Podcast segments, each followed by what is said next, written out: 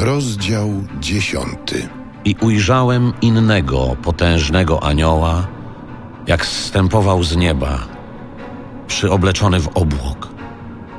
I tęcza była nad jego głową, a oblicze jego było jak słońce, a nogi jego jak słupy ognia. I miał w prawej ręce otwartą książeczkę.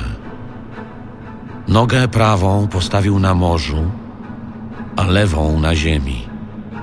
I zawołał donośnym głosem, tak jak ryczy lew. A kiedy zawołał, siedem gromów przemówiło swym głosem. Skoro przemówiło siedem gromów, zabrałem się do pisania, lecz usłyszałem głos mówiący z nieba. Zapieczętuj to, co siedem gromów powiedziało i nie pisz tego.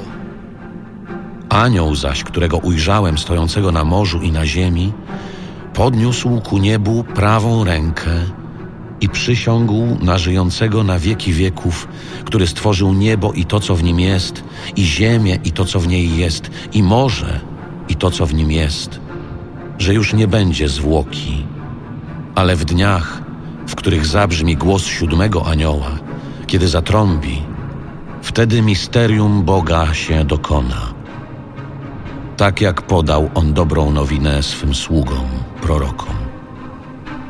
A głos, który słyszałem z nieba, znów usłyszałem, jak zwracał się do mnie w słowach: Idź, weź księgę otwartą w ręce anioła stojącego na morzu i na ziemi. Poszedłem więc do anioła, mówiąc mu, by dał mi książeczkę.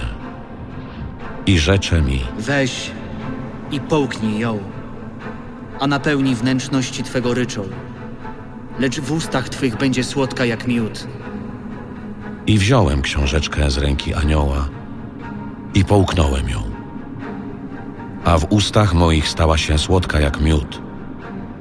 Gdy zaś ją spożyłem, goryczą napełniły się moje wnętrzności.